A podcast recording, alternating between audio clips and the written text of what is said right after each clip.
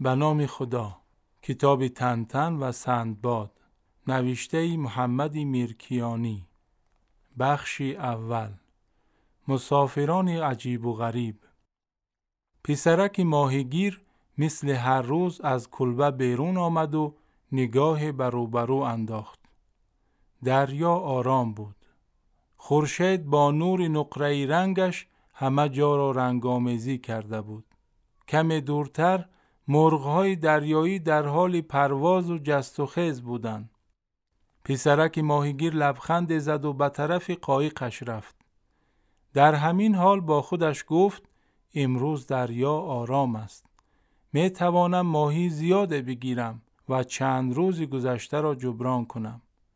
اگر در چند روزی گذشته برای بودن آن آدمهای عجیب و غریب که در اطراف ساحل رفت و آمد می کردن نتوانستم ماهی بگیرم حالا با خیال راحت می توانم به دریا بروم و قایقم را پر از ماهی کنم. او با این خیال خوش به طرف قایق می رفت که ناگهان از دور نقطه سیاه رنگی را دید. آن نقطه نزدیک و نزدیکتر شد و کم کم به شکل یک کشتی بزرگ درآمد. پسرک عقیب عقیب رفت و به طرف کلبهش برگشت. در همین وقت پدری پیری او از کلبه بیرون آمد و پرسید چی شده است؟ از چی می گریزی؟ پسر با انگوش دریا را نشان داد و گفت نگاه کن پدر جان دارند می آیند کیها همان کشتی عجیب و غریب با مسافران عجیب و غریبش پیرمرد چند قدم به پیش برداشت و دست راستش را سایبانی چشمش کرد و گفت ها پس همین کشتی بود که در این چند روز تو را می ترساند چرا زودتر به من نگفتی؟ پسر دست پدرش را گرفت و او را به طرف کلبه کشید و گفت بیا برویم پدر من از این آدم ها می ترسم. پیرمرد دستش را از چنگ پسرش بیرون کشید و گفت چرا می ترسی؟ صبر کن ببینم اصلا اینها کی هستند و اینجا چه کار دارند؟ شاید آن طوره که تو خیال می‌کنی نباشد و کار با ما نداشته باشند. پسر ساکیت شد. کشتی بزرگ نزدیک و نزدیکتر آمد. چیزی هم نگذشت که در نزدیکی آن ساحل دور افتاده لنگر انداخت. مسافران عجیب و غریب با تناب قایق را پایین فرستادند و سواری آن شدند و پاروزنان به طرف ساحل آمدند. قایق که کنار ساحل پهلو گرفت زودتر از همه یک سگی سفید پشمالو از داخل آن بیرون پرید و به طرف پیرمرد و پسرش پارس کرد. ناگهان صدای از طرف قایق آمد. صبر کن میلو آنها دوستان ما هستند. بعد جوانکی که پیراهن و شلواری نقشدار پوشیده بود و قسمت پیش موهای طلایی رنگش را بالا زده بود از قایق بیرون آمد و به طرف سگ دوید. هنوز پیرمرد و پسرک مشغول تماشای سگ و جوانک بودند که صدای خشین از داخل قایق شنیده شد. زود باش پروفسور اینجا همان سرزمین است که سالهاست به دنبالش هستیم. به دنبال این حرف مرد میان سال از قایق پیاده شد. او لباس کشتیرانهای مغرب زمینی را پوشیده بود. کلاه نقابدار بر سر داشت و در حال رفتن سیگار می‌کشید. هر چندگاه یک بار هم ریشی سیاه و پرپشتش را میخاراند. پشت سر او سر و کله مرد کوچک اندام از داخل قایق پیدا شد. او صورتی ریزنقش داشت و موهای پیش سرش ریخته بود و عینکی گیرده هم به چشم زده بود. مرد با کمک اسایی که در دست داشت از قایق بیرون آمد و گفت او اینجا چقدر گرم است کپیتن هادک پیرمرد رو به پسرش کرد و گفت پسرم از اینها ترسیدی؟ اینها که کار با ما ندارند. کپیتن هادک از همان جا که ایستاده بود داد زد خوب تن تن حالا بگو کجا برویم و چه کار کنیم؟ مرد ریش بوزی گفت حالا که نمی شود نو از راه رسیده ایم و خسته ایم. آه که این کپیتن هم همیشه در کارهایش سراسمه است. تن که سگش میلو را آرام کرده بود زودتر از بقیه پیش پیرمرد و پسرش آمد و گفت روز بخیر پیرمرد. ما جهانگردانی معروف خودم تنتن سگم میلو کپیتن هادک و پروفسور برای گردش به اینجا آمده ایم.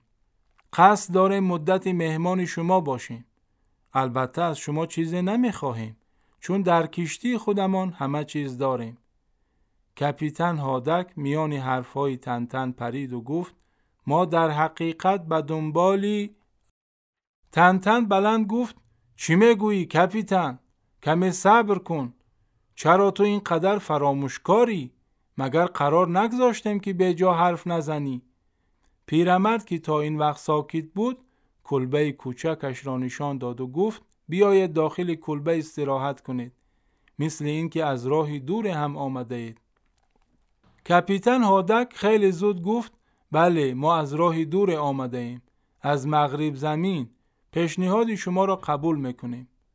بعد به طرف کلبه پیرمردی ماهیگیر رفت. مسافران در کلبه روی بوریا نشستند و مشغول گفتگو شدند. پیرمردی ماهیگیر در یک کاسه سفالی بزرگ شربت درست کرد و پیش مهمانانش گذاشت. مسافران خیلی زود کاسه را برداشتند و آن را دست به دست گرداندند و از شربت داخلی آن خوردند. بعد هم در کلبه دراز کشیدند طوری که دیگر جای برای پیرمرد و پسرش باقی نماند. برای همین آنها گوشه از کلبه نشستند و مشغول تماشای آن تازه واریدها شدند. کپیتن هادک یک دستش را زیر چانهش زده بود و سیگار می‌کشید گفت بسیار خوب تن تن.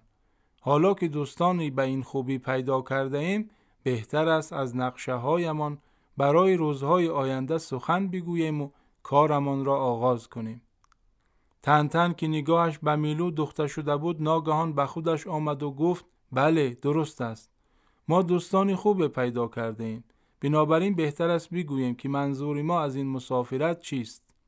خوب ما برای پیدا کردن سرزمین قصه های مشرق زمین به اینجا آمده ایم. قصد ما یک سفری خیال انگیز است. یک سفری زیبا و دوست داشتنی. اگر با ما همکاری کنید وضع شما هم خوب می شود. پیرمرد پرسید سفر؟ سفر به سرزمین قصه های ما برای چی؟ پروفسور لبخند زد و گفت خوب برای ساختن قصه های تازه قصه هایی که با قهرمان های از مغرب زمین قهرمان های مثل ما پیرمرد گفت من که عقلم به این چیزهایی که شما می‌گویید نمی‌رسد. اصلا از حرفهای شما چیزی نمی‌فهمم. فقط این را می‌دانم که ما به قصه های مغرب زمین نیاز نداریم. تازه دیدن سرزمین قصه ها که این همه وسیله نمی‌خواهد مگر اینکه از سفر قصد دیگری داشته باشید. در این لحظه ناگهان تنتن و کپیتن هادک از جا پریدند. کپیتن هادک از همان جا که نشسته بود دستش را دراز کرد و یقه پیرمرد را چنگ زد و گفت الان خفه و بوغیت می‌کنم پیرمرد. به ما می‌گویی قصدی بد داریم؟ ما به هر جا که پا می‌گذاریم ارباب و صاحب صدایمان می‌کنند. باور نمی‌کنی؟ برو ماجراهای تنتن را بخوان. در این وقت میلو از میان دستهای تنتن خودش را رها کرد و به طرف بیرون کلبه دوید و صدا کرد. به دنبال او تنتن هم از کلبه بیرون دوید و صدا زد بیاید دوستان مثل اینکه خبرهای شده است. یک کشتی بادبانی به طرف ساحل می آید. همه از کلبه بیرون ریختند و مشغول تماشای کشتی بادبانی شدند. پروفسور گفت ما را به کجا آورده ای کپیتان؟ مگر نگفتی که به جای به سر و صدای می رویم؟ پس سر و کله این کشتی بادبانی یک دفعه از کجا پیدا شد؟ کپیتن هادک که خودش هم نگران شده بود گفت من هم نمی‌دانم.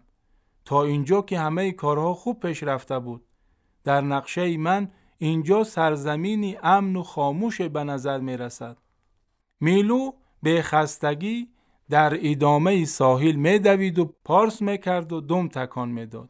تنتن پرسید خوب کپیتن حالا می‌گویی چی کار کنیم؟ بیمانیم یا نه؟ پروفسور گفت من که می‌گویم برویم. راستش از دردسر اصلا خوشم نمی آید. کپیتان هادک داد زد مگر من از دردسر خوشم می آید. ولی باید بدانید بهتر از این نقطه جای دیگر پیدا نمی کنیم. اینجا سرزمین بهترین قصه های دنیاست. فکری برگشتن باید از سر همه بیرون برود. ما باید خودمان را برای ماندن آماده کنیم. پایانی بخشی اول